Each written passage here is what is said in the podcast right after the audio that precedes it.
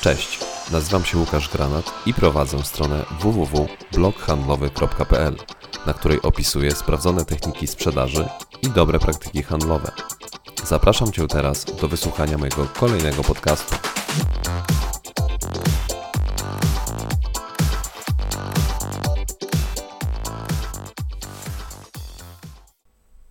Witajcie w kolejnym odcinku podcastu. Dzisiaj odpowiemy sobie na pytanie, co to jest klientocentryzm. Klientocentryzm to nic innego jak skupienie swojej uwagi na kliencie.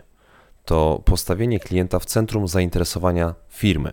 To budowa całej organizacji wokół procesów obsługi klienta. Zacznijmy od takiego prostego przykładu, jak kiedyś dbano o klienta. Otóż w ogóle nie dbano o niego. Był sobie po prostu producent, który miał produkt, a ludzie, nie mając zbyt wielkiego wyboru, chcieli po prostu ten produkt kupić. Popyt był większy niż podaż, produktu nie starczało dla wszystkich, to był tak zwany rynek producenta. Później, kiedy się troszeczkę w cudzysłowie ucywilizowaliśmy i wybór produktów na rynku znacząco się zwiększył, trzeba było zacząć się starać o klientów. I zazwyczaj to dział marketingu w firmach był ukierunkowany na klienta. Chciał się z nim w jakiś sposób komunikować, nawiązywać relacje, dbać o niego, nie dać mu odejść, czyli pilnować jego lojalności. Oczywiście nie można zapomnieć o dziale sprzedaży, który chcąc, nie chcąc, aby sprzedawać, musi być zorientowany na potrzeby klienta. Dziś nie jest to tylko domeną działu marketingu ani działu sprzedaży. Dzisiaj każdy dział w firmie musi wykazywać prokliencką postawę. Klient w centrum zainteresowania całej organizacji. Co to oznacza? Nic innego jak ukierunkowanie się na klienta każdej jednostki organizacyjnej w firmie. Z doświadczenia wiem, że dbanie o klienta, takie jak w dziale handlowym czy też w dziale marketingu, może praktycznie wcale nie występować w innych komórkach firmy. Tam, gdzie pewne procesy wykonywane są machinalnie, utarło się, że klient dostępu nie ma, więc i dział na klienta zbytnio zwracać uwagi nie musi. I to jest wielki błąd. Pisałem już kiedyś o nieporozumieniach między działami firmy.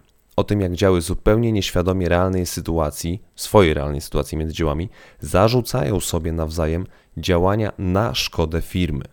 Skąd to się bierze? Otóż klientocentryzm to domena działu sprzedaży, działu obsługi klienta i działu marketingu. W dotychczasowych strategiach firm to wystarczało. Teraz wyobraź sobie taką sytuację, jak dział sprzedaży zabiegając o podpisanie kontraktu z klientem, zapewnia go o terminowości dostaw, idealnym konfekcjonowaniu zamówień, niezawodnym systemie zamówień online i tym podobnych. Magazyn niestety dwukrotnie w zamówieniu się myli, zaraz na początku współpracy z klientem. Po magazynie, że spływa to jak po kartce, nie będzie dziś dostawy, to będzie jutro, po prostu taka odpowiedź. Nie dało się wysłać wcześniej, bo to, bo tamto. A teraz handlowca dopada biała gorączka i konflikt jest gotowy. Przykładów takich można wymieniać bez końca. Aby firma rzeczywiście była ukierunkowana na klienta, musi przyjąć klientocentryzm jako swoją strategię biznesową. Każdy dział firmy musi potraktować klientocentryzm jako nadrzędną zasadę pracy. Zrozumiałe jest, że dział sprzedaży, dział obsługi klienta i reklamacji skupia się na zadowoleniu klienta, bo ma przecież z nim bezpośredni kontakt. Liczy się sprzedaż, sprawna realizacja zamówień, komunikacja, dobre opinie, no i oczywiście wrażenie na kliencie. To wszystko przekłada się na lojalność klienta wobec firmy, no i polecenia jej wśród znajomych. Dział marketingu zaś stara się budować relacje z klientem, lecz przez trochę inne metody kontaktu. Działania marketingu opierają się przede wszystkim na promowaniu oferty firmy przez różne środki przekazu.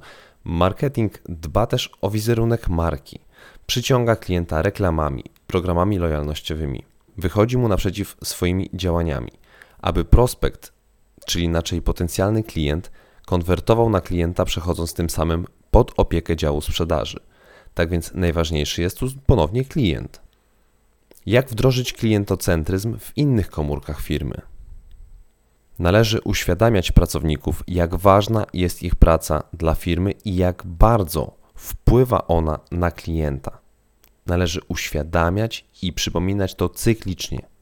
Niech magazynier wie, że jeśli zapakuje wazon wyłącznie w karton, bez dodatkowego zabezpieczenia przed stłuczeniem i bez naklejki uwaga, szkło, to naraża firmę na straty, a klienta na niezadowolenie. Klient, który zawiedzie się na firmie przy pierwszym zamówieniu, nie wróci po kolejny zakup. Niech też dział logistyki stawia na otwartość i odpowiednią komunikację z klientem. Jeśli coś nie wyjedzie do klienta o czasie, to niech niezwłocznie o tym powiadomi klienta, a nie tylko wysyła numer listu przewozowego czy jakąś skromną informację drogą mailową. Niech dział księgowości nie będzie taki hermetyczny. Niech ułatwia pracę sobie, działowi sprzedaży, a co za tym idzie klientowi. Na przykład poprzez odpowiednio opisane procedury i instrukcje, poprzez wdrażanie szybkich i przyjaznych systemów informatycznych do obsługi swoich ksiąg, ale i procesów firmy, czyli zakupów, produkcji, magazynu, no i oczywiście sprzedaży. Poprzez umiejętne konfigurowanie tych systemów. To jest bardzo, bardzo ważne. Często słyszę o problemach handlowców z programami ERP. A to czegoś się nie da zrobić, a to z kolei ktoś wymyślił zbyt dużo poziomów uprawnień do pewnych działań, taka długa ścieżka decyzyjności, akceptowania. To wszystko odbija się poniekąd na klientach, no bo skoro handlowiec nie może swobodnie i wygodnie działać, będzie miał mniej czasu dla klienta. Jest też sfrustrowany problemami technicznymi, więc jego nastrój zapewne odbije się na kliencie. Czy nie jest tak?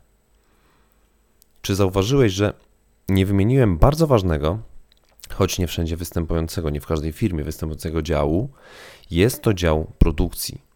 To jest troszeczkę inna bajka, gdyż produkcja jest dosyć skomplikowana i musi być bardzo dobrze zaplanowana. Nie ma tu miejsca na jakiekolwiek odchylenia od przyjętych planów i norm. Produkcja jednak ma też kontakt z klientem. Zapytasz się, jaki? Przecież to właśnie wyprodukowana rzecz, którą właśnie klient zakupił.